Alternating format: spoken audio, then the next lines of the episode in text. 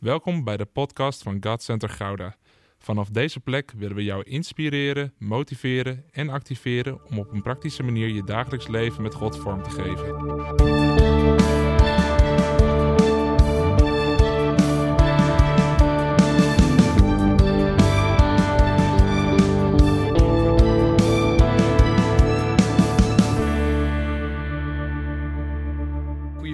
Gemeente God Center Gouda om hier uh, vanmorgen te zijn. Ik vind, het, ik vind het fantastisch en weet je, je proeft gewoon al. Er is zo'n honger, maar ook zo'n liefde naar het woord en naar onze Heer Jezus. Ja, en, en dan maakt het inderdaad niet uit of hier een volledige band staat of een gitaar. Maar dan zeggen we, Heer, hier zijn we. En ook al zingen we a cappella, ik ben twaalf jaar lang opgegroeid vanaf geboorte af aan in een gemeente waar alleen maar a cappella werd gezongen. En daar ook echt aanbidding wel meegemaakt, zeker. Um, ja, nou, dat Jeroen straks, uh, de voorganger straks weglopen, dat, dat ben ik wel een beetje gewend. In coronatijd mocht ik een keer spreken uh, op zondagochtend. En dat was echt in een heel streng moment, op een heel streng moment uh, van de lockdown in Voorschoten, waar wij overigens vandaan komen. En um, op dat moment zaten er nou, zes mensen in de zaal. Uh, en uh, halverwege liep er iemand weg. Nou, dat kun je je voorstellen. Dat is dus een zesde van de zaal die wegloopt. Nou, ik hoop dat dat straks niet gaat gebeuren. Maar dat, uh, ja, ach jongens, ik ben blij dat we. De vorige keer dat ik hier stond, was het ook nog half lockdown, twee diensten wel niet, net open, ik weet het niet meer exact. Maar nu heerlijk met z'n allen bij elkaar. Goedemorgen. Nou, als u zich afvraagt wie is hij, um, dan is het misschien wel even goed, want heel veel van u ken ik u ook niet, om mij kort even voor te stellen. Um, mijn naam is Rick Zwart en dat is voor de groep 7 en 8 leerlingen gelijk een antwoord uh, op, uh, op je eerste vraag. Leuk dat jullie er ook bij zijn. Want wat is het tegenovergestelde van zwart? Kijk, jullie hebben al gelijk een antwoord op vraag 1. En is er ook wat te verdienen voor uh, de beste ingevulde bladen of uh, een blauwe lolly hoor ik? Ja, nou heel goed. Ja. Kun je gelijk meeklussen, dus uh, dubbel winst. Oké, um, ik ben getrouwd 14 jaar en twee dagen met de prachtige, mooie mijn vrouw Saskia. Ja. En uh, wij hebben vier prachtige kinderen van de Heer gekregen. Jonge meisje, jonge meisje. Die uh, inmiddels, waarvan de jongste uh, afgelopen vrijdag op onze trouwdag vijf is geworden. Hoe bijzonder is het om een kind op je trouwdag te krijgen? Nou, dat kan alleen de Heer bedenken. Um, en uh, in het dagelijks leven um, mag ik een team leiden op een middelbare school in uh, Zoetermeer. Een grote VMBO-school, de grootste wel in de regio. We hebben 1300 leerlingen en ik ben verantwoordelijk voor de onderbouw, klas 1, 2. En daar vul ik mijn dagen vooral mee. Om uh, ja, die school toch wel enigszins ja, in goede banen te laten leiden. En die kinderen tot dat diploma te brengen. Um, ja, en jeugd, en kinderen is toch uh, wel echt mijn hart. En ik moet je eerlijk zeggen, vanmorgen, als wij straks het woord ingaan, jullie hebben het al in de titel gezien, leven voor de nieuwe generatie. Um, ja, dan spreek ik in die zin ook echt wel naar de jeugd toe. En tegelijkertijd hebben jullie 42 dagen geleden gehoord dat die generatie in de preek van jullie eigen voorganger, hè, de vervulling van de belofte. Dat die generatie eigenlijk de generatie is zoals wij hier nu zijn. Hier in dit tijdsbestek, op deze plek, op deze wereld. Leven voor de nieuwe generatie. Weet je, en 42 dagen dus geleden, zes weken geleden, sprak jullie voorganger over de, de vervulling van de belofte. Nou, hij, heeft, hij heeft het gehad over de Jozua-generatie. Weten we dit nog?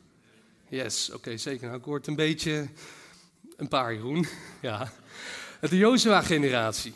En Jozua was een van de twee verspieders die met z'n twaalfen werd uitgezonden om het land Canaan te verspieden. En tien kwamen terug vol ongeloof. Maar het waren er twee, Jozua en Caleb, die vol geloof stonden, omdat zij wisten in wie ze konden vertrouwen en op wie ze konden vertrouwen op God zelf. En dan lees je in nummer 14 dat Caleb de belofte krijgt van God zelf dat hij het erfdeel in het beloofde land zal ontvangen. En dan staat er heel mooi bij, en zijn nakomelingen. En zijn nakomelingen. En weet je, hier werd ik zo eigenlijk door de preek van die zes weken geleden zo bij bepaald. De nakomelingen, die volgende generatie, die nieuwe generatie. En dat het erfdeel, het beloofde land, waar toen ook over is gesproken, net zo goed voor onze kinderen zijn. En tegelijkertijd, wat zie je? Satan is bezig om juist die jonge generatie zo hard af te halen, weg te halen van die beloftes, van dat erfdeel, van dat beloofde land. En om dood te zaaien. En ik vertelde je, ik, heb, uh, ik werk inmiddels bijna 19 jaar op die middelbare school. En ik heb heel wat situaties van levens van kinderen al meegemaakt. waarin ja, dood eigenlijk de, ja, de lijn in hun leven was. Dat kon zijn in hun gedachten, dat kon zijn door hun verslavingen of door hun bindingen. Maar ze stonden niet vrij of staan niet vrij in het leven zoals Jezus dat wil geven. Maar vandaag, hier zijn we op een plek van leven. en dat weet ik zo zeker, dat het huis van God een plek van leven is, omdat de Heer Jezus zelf hier is. En Hij is het leven. Als twee of drie in zijn naam bijeen zijn gekomen, is hij in het midden. De Heer Jezus is hier. En ik geloof ook dat vandaag, door zijn woord heen, door de aanbidding heen, door wat de Heilige Geest nu aan het doen is, hij ook leven wil brengen in uw situaties die dood lijken of dood lijken te gaan. En met name onze nakomelingen. Nou, wat is dat erfdeel? Jeroen heeft het er al uh, over gehad. Maar het is zo mooi, over de Levieten werd gesproken, God zal hun erfdeel zijn. Weet je, en ik geloof dat dat ten eerste ook zo voor ons geldt. Wat is ons beloofde land? Het is God zelf. Het is God zelf. En tegelijkertijd leert Efeze 1 ons dat wij gezegend zijn met alle geestelijke zegeningen in de hemelse gewesten in Christus Jezus. Door de Heer Jezus zelf hebben wij alle geestelijke zegeningen ontvangen. En dan als je dat hoofdstuk gaat lezen, wat het allemaal inhoudt. Het zoonschap, de vergeving van de zonde. Wij hebben, wij hebben de erfenis ontvangen in Hem. We zijn erfgenaam geworden. Wij hebben leven ontvangen. Dit is ons beloofde land, om uiteindelijk te komen ook bij Hem. Of op het moment dat Hij ons thuis haalt, of op het moment dat Hij terugkomt en ons als gemeente opneemt. Ons erfdeel. En weet je, je erfdeel is ook je bestemming. God's original design, waar God Center uit voortkomt, of in ieder geval waar God Center ook voor staat. God's original design heeft ook een God's original destiny. God heeft voor elk van jou en voor mij een bepaalde bestemming als erfdeel, als beloofd land. En dat geldt net zo goed voor onze nakomelingen, voor onze kinderen, voor de generatie, voor de jongeren die ons gegeven zijn. En weet je, dit is nou juist wat God, nee niet wat God, wat Satan wil aanvallen, die bestemming. En weet je, Psalm 127 leert ons ook dat kinderen ons erfdeel zijn. Kinderen zelf zijn ook ons erfdeel, is een erfenis wat God ons wil geven. Weet je, en ik noemde al iets over hoe Satan probeert die nieuwe generatie te beïnvloeden. Maar het, het, het wonderlijke is, wij zijn hier op een plek van leven. Onderschat nooit wat er in het kinderwerk en in het tienerwerk en in het jeugdwerk gebeurt. Onderschat het niet, eer dat. Als je denkt, hier gebeurt het, Oh, ik mag af en toe meespelen in de wursje bij de kinderkerk in Voorschoten. Waar wij ook als, als diakenen mogen dienen. En als, dat is zo mooi. Op het moment dat je, als, als je daar kinderen in aanbidding ziet. Op het moment dat ze daar gewoon vanuit hun hart zingen. Hun liefde uit aan de Heer Jezus. Dan zie je ook hoe leven in die kinderkerk doorwerkt. Weet je, er zijn, en daar ga ik naartoe deze ochtend. Er zijn vier momenten in het woord dat er wordt gesproken over opstanding uit de dood van enig kinderen. je hebt allereerst de, de zoon van de weduwe van Sarefat. Elia, die is daarbij betrokken in, in uh, twee koningen, sorry, 1 Koningen 17. En tegelijkertijd lees je over de zoon van de Sunamitische. Waarin in de geschiedenis van Elisa die thuiskomt, mijn hoofd, mijn hoofd, en uiteindelijk sterft. En daardoor de profeet Elise, door de kracht van God uit de dood wordt opgewekt. En daarnaast twee geschiedenissen in het leven van de Heer Jezus, beide in Lucas, het Lucas-evangelie beschreven, waarvan Lucas 7 het gaat over de jongeling van Nain en in Lucas 8 het gaat over de dochter, het dochtertje van Jairus. En het wonderlijke verband tussen deze vier kinderen is dat ze alle vier enig kind waren. Het hart van de familie. Het, het, de enige hoop op nakomelingschap. De enige hoop op het bezitten van een erfenis. De enige hoop waardoor Gods plannen en bestemming van hun leven doorgaat. Weet je, en ik geloof ook dat wij, als we het vanmorgen hierover hebben, we ook spreken over onze enige kinderen. De generatie die ons is gegeven, de nieuwe generatie. Onze enige hoop, waardoor Gods beloftes door worden gezet. En dat er nieuw leven, dat er leven zal zijn voor onze generatie. En ik, ik ga dat vandaag doen aan de hand van de geschiedenis van de jongeling van Nain. En ik weet, jullie zijn gewend te staan op het moment dat we het woord openen. Dus ik wil je vragen om Lucas 7 voor je te nemen. En ik weet dat het geprojecteerd staat in eh, de MBV op, eh, op het scherm. Ik heb hier de Telos-vertaling bij me. Wellicht leest u een andere vertaling. Maar um, lees, lees even met mij mee. Lucas 7 de jonge man van Nain. En het gebeurde vervolgens dat hij naar een stad ging, Nain geheten. En met hem gingen vele van zijn discipelen en een grote menigte. Toen hij nu de stadspoort naderde, zie een gestorvene werd uitgedragen, een enig geboren zoon van zijn moeder. En zij was weduwe. En een aanzienlijke menigte uit de stad was bij haar. En toen de Heer haar zag, werd hij met ontferming over haar bewogen en zei tot haar: Ween niet. En hij kwam dichterbij, raakte de baar aan en de dragers stonden stil. En hij zei: Jonge man, ik zeg je, sta op. En de dode ging overeind zitten en begon te spreken. En hij gaf hem aan zijn moeder. En vrees beving allen en zij verheerlijkten God en zeiden: Een groot profeet is onder ons verwekt. En God heeft zijn volk bezocht. En dit woord over hem ging uit in heel Judea en in de hele omtrek. Tot zover. Oh, zo mooi dat jullie staan bij het openen van het woord.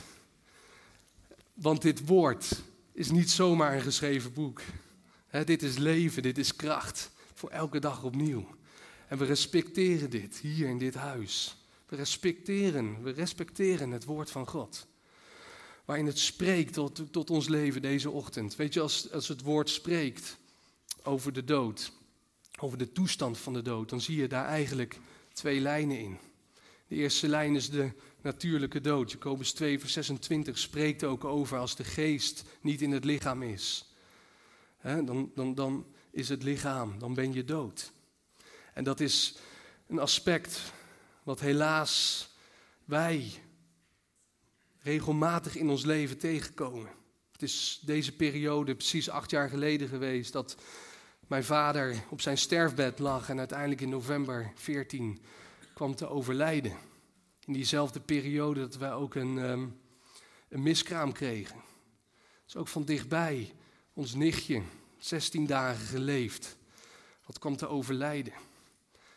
En als ik even aan jullie voorgangers ook denk, heel recentelijk, dat iemand ons is ontvallen. Van wie wij als diaken ook in Voorschoten haar heel goed kenden. Het woord spreekt ook over de dood. Maar één troost hebben we in alles. Wij kennen het leven. En wij weten ook dat de geest niet dood is. Maar dat als de geest het lichaam verlaten heeft, dat je voortleeft bij God. En dat je voortleeft bij de Heer Jezus. Maar tegelijkertijd, en daar wil ik vandaag wel meer op inzoomen, spreekt de Bijbel ook over een geestelijke dood. Waarbij je wel lichamelijk in leven bent, maar waarbij je geest dood is. Efeze 2, vers 1 leert ons dat God ons heeft opgewekt uit de dood toen wij nog dood waren door onze zonden en overtredingen. Weet je, de toestand van ons allemaal was dood. Colossense 3 leert ons dit ook. Wij zijn mede opgewekt in Christus. Want wij waren dood in onze overtredingen en de onbesnedenheid van ons hart. Geestelijke dood. Weet je, en ik, ik heb al iets gezegd dat Satan er zo op gericht is om ook onze jonge generatie, maar eigenlijk deze generatie, te houden in die geestelijke dood. Te houden in die zonde. Te houden in die overtreding, in die ongerechtigheid. Weet je, hij doet dat door afleiding. Als ik kijk eventjes naar de jongeren die ik om me heen heb. Wat afleiding doet. Afleiding in de vorm van social media. Of nutteloze, zinloze entertainment. Of afleiding in de vorm van prestatie of ambities. Of, of, of druk die ze elkaar opleggen. Weet je, ook afleiding in de vorm van zorgen. Oh, wat is Satan daar goed in? Of financiële problemen of andere problemen. Of het nieuws. Hoeveel afleiding kan het nieuws niet bieden? Zeker in deze tijd waarin er zoveel gebeurt. Waarbij je meer geneigd bent om het nieuws te openen. Om je dag te laten bepalen dan het woord van God. Afleiding.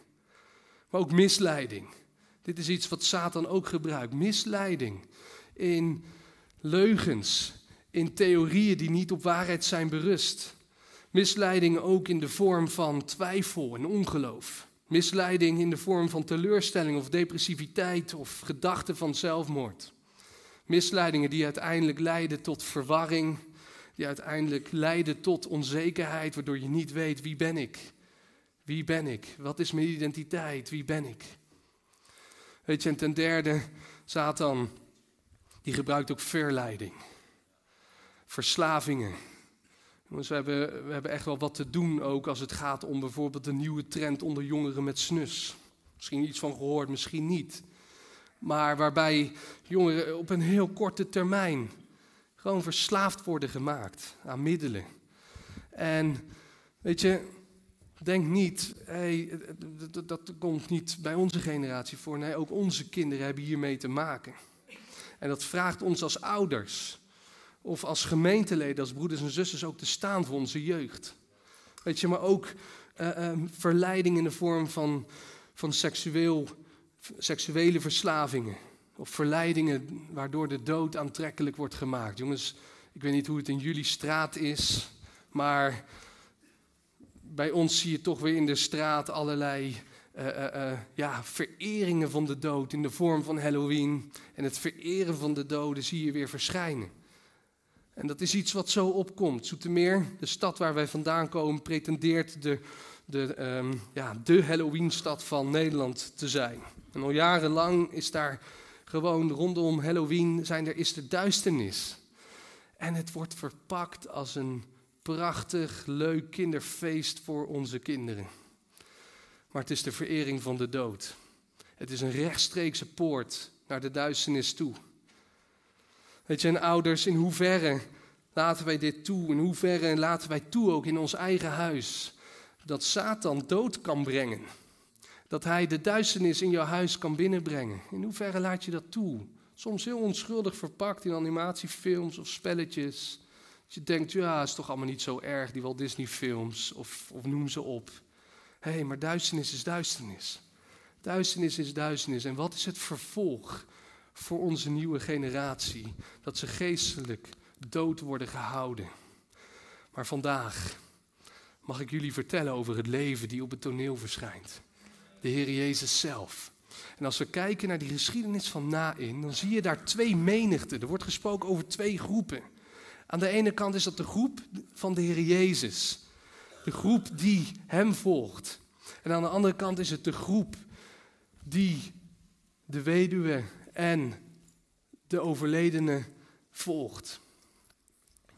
Ja, ze proberen heel rustig weg te lopen, maar uh, ja.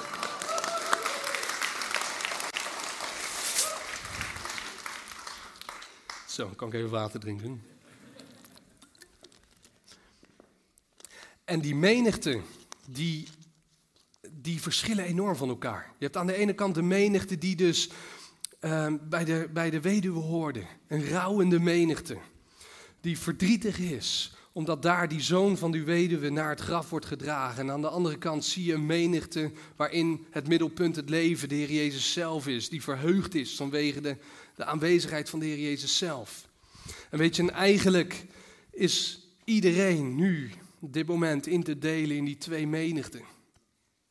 Of je behoort als volgeling van de Heer Jezus bij die menig die hem achterna gaat, richting Nain, richting die stad. Of je behoort tot die menig die op weg is naar die begraafplaats. Die op weg is naar de dood, of eigenlijk daar zich al reeds bevindt. Want wij, zijn, wij waren dood in onze overtredingen en in onze zonden. Weet je, en de stad Nain betekent aangenaam. Het was een aangename stad, een aangename plek. Weet je, en ik geloof ook dat deze stad de stad is waar wij als volgelingen van de Heer Jezus naar op toe op weg zijn. Hebreeën 11, Hebreeën 12 leert ons dat ook, dat we op weg zijn naar een hemels Jeruzalem, de stad van de levende God. En te midden van deze stad, bij de stadspoort, ontmoeten deze menigte elkaar. En dan lees je over de Heer Jezus, dat hij daar niet zomaar aan voorbij ging. Nee, hij zag de weduwe. Hij zag de weduwe. En het mooie is dat de Heer Jezus zelf in de nood en in het lijden van deze weduwe haar zag. En hij wordt hier de Heer genoemd. Hij wordt hier niet Jezus bij zijn menselijke naam genoemd, maar hij wordt hier de Heer genoemd. De Heer zag de weduwe. Weet je, als je naar het woord Heer kijkt, Kyrios of Kyrios in het Grieks, dan is dat tevens dezelfde naam die voor Yahweh in de Griekse vertaling van het Oude Testament wordt gebruikt. De hoogste naam van de Heere God. Zie je voortdurend terugkomen in het Nieuwe Testament, toegepast op de Heer Jezus. Het is niet alleen de Vader die in het Oude Testament spreekt, als Yahweh aan het woord is. Nee, het is Vader, Zoon en Heilige Geest. En op het moment dat de Zoon op aarde is, is hij daar als Yahweh zelf? Is hij haar als de Heer zelf? Is hij daar als de Heer zelf? En het is hier de Heer die de weduwe ziet. Het is God zelf die gemoeid is met u en met mijn situatie van lijden. Weet je, en deze vrouw, haar verleden was de dood. Haar man was overleden. Ze was weduwe, lezen we. Haar heden was de dood. Haar zoon was overleden. En eigenlijk was haar toekomst een toekomst van uitzicht, uitzichtloos. Met uiteindelijk het eindresultaat de dood. degene die voor haar inkomsten moesten zorgen, degene van wie zij maatschappelijk ook afhankelijk was, was haar ontnomen. En zij had niemand meer. En zij had alleen maar rouw en tranen op dat moment. Maar hier verschijnt de Heer Jezus, de Heer zelf. En hij ziet haar. Hij ziet haar en hij zegt, en hij spreekt tot haar, wee niet. Hel niet, wee klaag niet, laat u in de MBV. En het is de Heer Jezus die vandaag ook zegt, te midden van welke situatie ook, ween niet. Het is God zelf, de Heer, de allerhoogste naam. Weet je, de allerhoogste autoriteit, dat is wat Heer betekent. De gezaghebbende. De gezaghebbende, op het moment dat wij de Heer Jezus zeggen, zeggen we ook, Heer, u bent de Heer in ons leven. U bent degene die alles voor het zeggen heeft. Alles voor het zeggen heeft. Ik hou niks achter. Ik geef mij volledig over. U bent degene die alles voor het zeggen heeft. U bent de Heer, de Allerhoogste, de autoriteit. In het hoofdstuk hiervoor zegt de Heer Jezus: Wat noemt u mij Heer, Heer, als u niet doet wat ik u zeg? En dat is gelijk ook een woord voor deze ochtend. Als wij Hem Heer Jezus noemen, betekent dat automatisch dat we Hem ook dienen te gehoorzamen. Dat we Hem achterna horen te gaan in alles wat Hij van ons vraagt. Deze vrouw, deze weduwe, was met lijden vertrouwd. Maar zij ontmoette de man van smarten. De man die het lijden, lijden kennen. Jezaja 53 zegt ons dat hij werd veracht door mensen gemeden. Hij was een man die het lijden kende en met ziekte vertrouwd was. Maar hij was het die onze ziekte droeg, die ons lijden op zich nam. Oh, wat een Heer, wat een God dienen wij. Niet iemand van ver af, maar God zelf in de wereld ingetreden. Om uiteindelijk de pijn die zonde en dood veroorzaakte, zelf op zich te nemen, om zelf te gaan tot in die dood. Wat een machtig evangelie hebben wij. Wat een machtige Heer dienen wij. Dat wij een God kennen die zelf het leven is. En die zelf de dood in is gegaan. Om voor ons leven te brengen. De man die met lijden vertrouwd was, de man van smarte, de Heer Jezus zelf, zegt haar: Weet niet. Weet je, er gaat een dag komen dat er geen rouw meer zal zijn, dat er geen dood meer zal zijn, dat er geen tranen meer zullen zijn. Maar hier is het de Heer Jezus zelf al die de tranen van de weduwe weghaalt. De tranen veroorzaakt door de pijn die dood en zonde hebben gebracht in de wereld. En het is hier de Heer Jezus zelf die vandaag in ons midden is. Om ook tegen u te zeggen, weet niet. Welke situatie, welk verleden ook rondom de dood, of welke situatie die nu dood lijkt te zijn, er ook is, of wat je ook komende week weer voor ogen moet houden. Weet niet. Het is de Heer zelf die bij jou is. Weet je, misschien ben je hier ook wel zelf vandaag als ouder, omdat je huilt vanwege de toestand van je eigen kinderen. Omdat ze op een weg nu wandelen die doodlopend is. Ik kreeg dat sterk op mijn hart in mijn voorbereiding, om het daar ook over te hebben. Als we het hebben over die nieuwe generatie, dat het voor jou ook zo is, dat geestelijk een van jouw kinderen, of misschien al je kinderen, daar op die baar liggen. Omdat ze een weg gaan die doodlopend is. En niet behoren tot die menigte die de Heer Jezus eh, toebehoren en Hem volgen. Weet je, maar ik geloof vandaag, het leven zelf is hier. En Hij wil dat ook deze dag een dag van verandering zal worden. En toen de Heer haar zag, werd hij met ontferming bewogen. Dit is zo prachtig. Dit is het hart van de Heer Jezus. Met ontferming werd hij over haar bewogen. Want waar hij op het toneel verschijnt, moet Satan wijken. Er moeten de werkingen van Satan, en moet de dood wijken. Hij werd met ontferming bewogen. Zijn hart was vol liefde voor deze weduwe. Zijn hart is vol liefde voor jou en voor mij. Je komt drie keer dit toe, eh, komt dit voor. Bewogen zijn, door ontferming bewogen. Komt drie keer voor in het Lucas-evangelie. Je leest dat bij de barmhartige Samaritaan die met ontferming werd bewogen. Beeld voor onze Heer Jezus. En je leest dit ook over de vader die zijn jongste zoon weer ziet aankomen in het verhaal van de verloren zoon. De jongste zoon was weggegaan, Lucas 15, van zijn vader had zijn vader voor dood achtergelaten, maar kwam uiteindelijk op een plek van dood, waarin hij tussen de varkens verlangde naar het voedsel van de varkens. En op het moment dat deze verloren zoon terugkwam bij zijn vader, zag de vader hem al in de verte aankomen. En hij werd met ontferming bewogen. En weet je wat werd er gezegd over de jongste zoon? Slacht het beste kalf, want mijn zoon was dood. Mijn zoon was dood, maar hij leeft nu weer en als we het hebben over onze generatie, onze nieuwe generatie, dan is die, die, die erfenis is voor hun.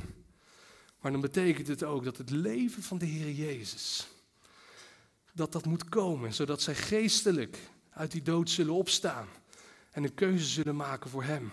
En hier zien we de Heer aan het werk. Te midden van die menigte was Hij het middelpunt van leven. En Hij ontmoette daar een menigte met de dood. Middelpunt was die dode zoon op die baar. En ze treffen elkaar in de poort van de stad. En die poort van de stad is een plek waar altijd het recht werd gesproken. En nu is het de vraag, welke menigte mocht er doorgaan? En als wij kijken naar, uh, naar de Bijbelse grond, dan leren we in, in Romeinen 6, vers 23, dat het loon van de zonde de dood is. Weet je, als het recht zal spreken, dan verdienen wij allemaal die dood en zou de dood de doorgang hebben daar op die plek waar de recht werd gesproken. Oh, maar dankzij God, dankzij God hebben wij genade ontvangen. Hebben we genade ontvangen in de Heer Jezus Christus. En het is hier het leven zelf die de baar aanraakt. Hij raakt daar, dat open, dat open grafbed, die baar, dat lijkbaar, raakt hij aan. Weet je, in, in nummer 19 werd geleerd dat op het moment dat je al een graf of een dode aanraakte, dat je een zeven dagen onrein was. Maar als je het leven zelf bent, de Heer Jezus, dan kon onreinheid hem niet raken. En hij raakt daar die grafplek van deze jonge man aan. En eigenlijk wat hij daarmee liet zien, is dat hij zichzelf verenigde met die baar. Want dit graf werd uiteindelijk zijn graf. Hij was de Heer van het leven. Hij is de Heer van het leven.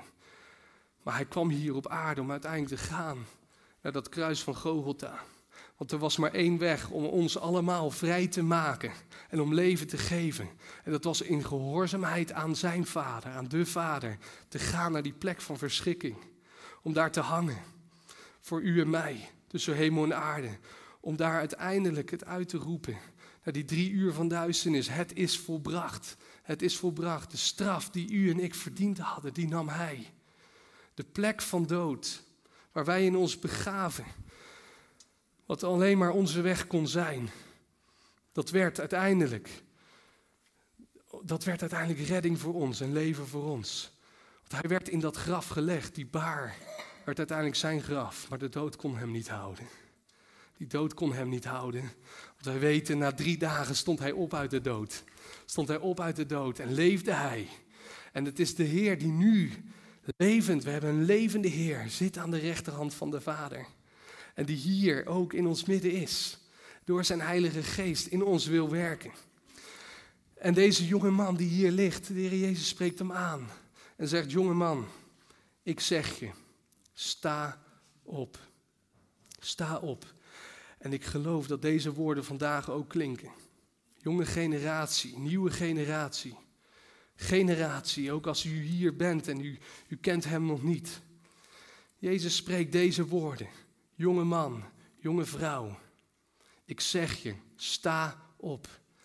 En op dat moment zie je dat, de, dat deze jonge man rechtop gaat zitten en hij begint te spreken. Hij begint te spreken en ik geloof ook dat onze jonge generatie gaat spreken. Gaat spreken over de weldaden van God. Gaat spreken over het leven, de Heer Jezus zelf. Gaat spreken, leven gaat spreken in een generatie die zo gericht is op de dood. En zo beïnvloed wordt door de dood. En zo bezig is ook weer in deze periode met de dood.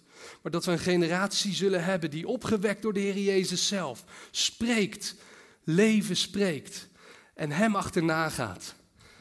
En we hebben hier hebben we de geschiedenis waarin de Heer Jezus deze jonge man oproept. Sta op. En het mooie is, ouderen. Hij zegt op dat moment niet direct, kom mij achterna, maar hij gaf de zoon terug aan zijn moeder. Weet je, ik geloof ook dat dat, dat, dat hiervan spreekt. Als u zich schaart tot de wat oudere generatie. Dan ziet de Heer u. En dan is het ook nog niet voorbij uw werking hier op aarde, de dingen die u moet doen als u denkt van hé, hey, ik heb al zo lang gewandeld met de Heer. Ik kom hier in een best jonge gemeente met jonge gezinnen. Hoe wil de Heer mij inzetten? Nou, op deze manier. Oude generatie, u bent ons voorbeeld. U bent ons voorbeeld. Als we kijken naar Caleb, waarmee ik helemaal aan het begin begon. Caleb kwam na 45 jaar terug bij Jozua om daar de belofte opnieuw in herinnering te brengen. Hij was toen 85 jaar oud. 85 jaar oud en hij ontving dat beloofde land. En weet je wat je van hem leest in nummer 15? Dat hij nog op hoge leeftijd drie Enakieten versloeg. Drie reuzen versloeg. Weet u, juist in uw leeftijd of in uw ervaring in het wandelen van de Heer. Ik geloof hoe meer u wandelt met de Heer, hoe meer u verjongt vernieuwd, rijper wordt, fris en groen wordt, Psalm 92. En zelfs op hoge leeftijd Satans aanvallen, hier beschreven in die Enakieten, zal verslaan. En als voorbeeld zal dienen voor de jonge generatie om trouw te wandelen in de Heer Jezus. Om trouw te wandelen in zijn voorbeeld.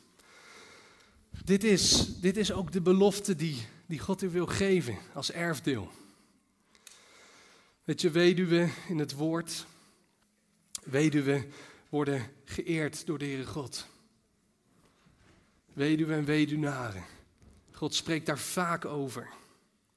Er zijn veel momenten waarin het gaat om weduwen in het woord. En misschien bent u of kijkt u ook mee hier als weduwe of weduwnaar. God vergeet u niet. God vergeet u niet. God zegt, Jezaja 49, vers 11. Weduwe, vertrouw op mij.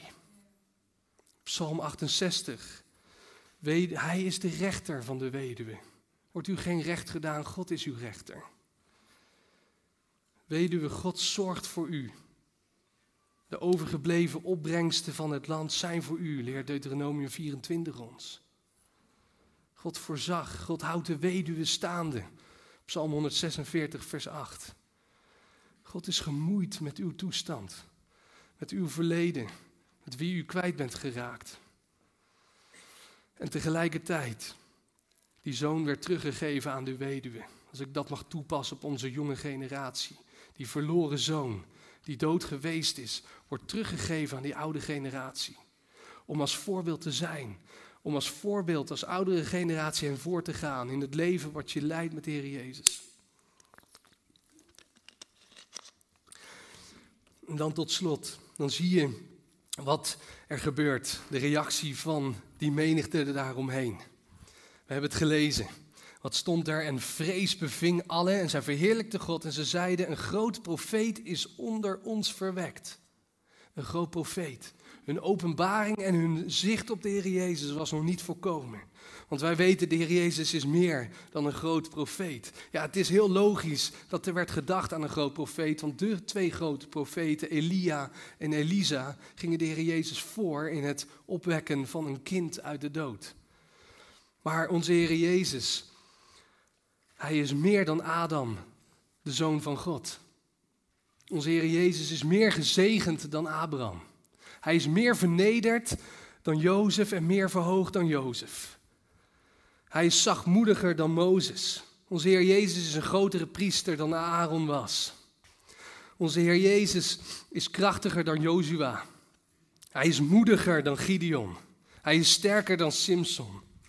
Onze Heer Jezus, hij is een groter leider dan dat Samuel was. Hij is een grotere koning dan dat koning David was. En onze Heer Jezus was wijzer dan Salomo, ik noemde het al. Hij is wijzer dan Salomo en hij is een groter profeet dan Elia en Elisa. Onze Heer Jezus is de zoon van de levende God. Hij is onze Heer Jezus Christus. En hij is hier deze ochtend. Hij is hier deze ochtend. En weet je, op het moment dat wij ons uitstrekken naar Hem en onze dode situaties, of onze dode en geestelijk dode kinderen bij Hem brengen, deze ochtend, dan is Hij hier om leven te brengen.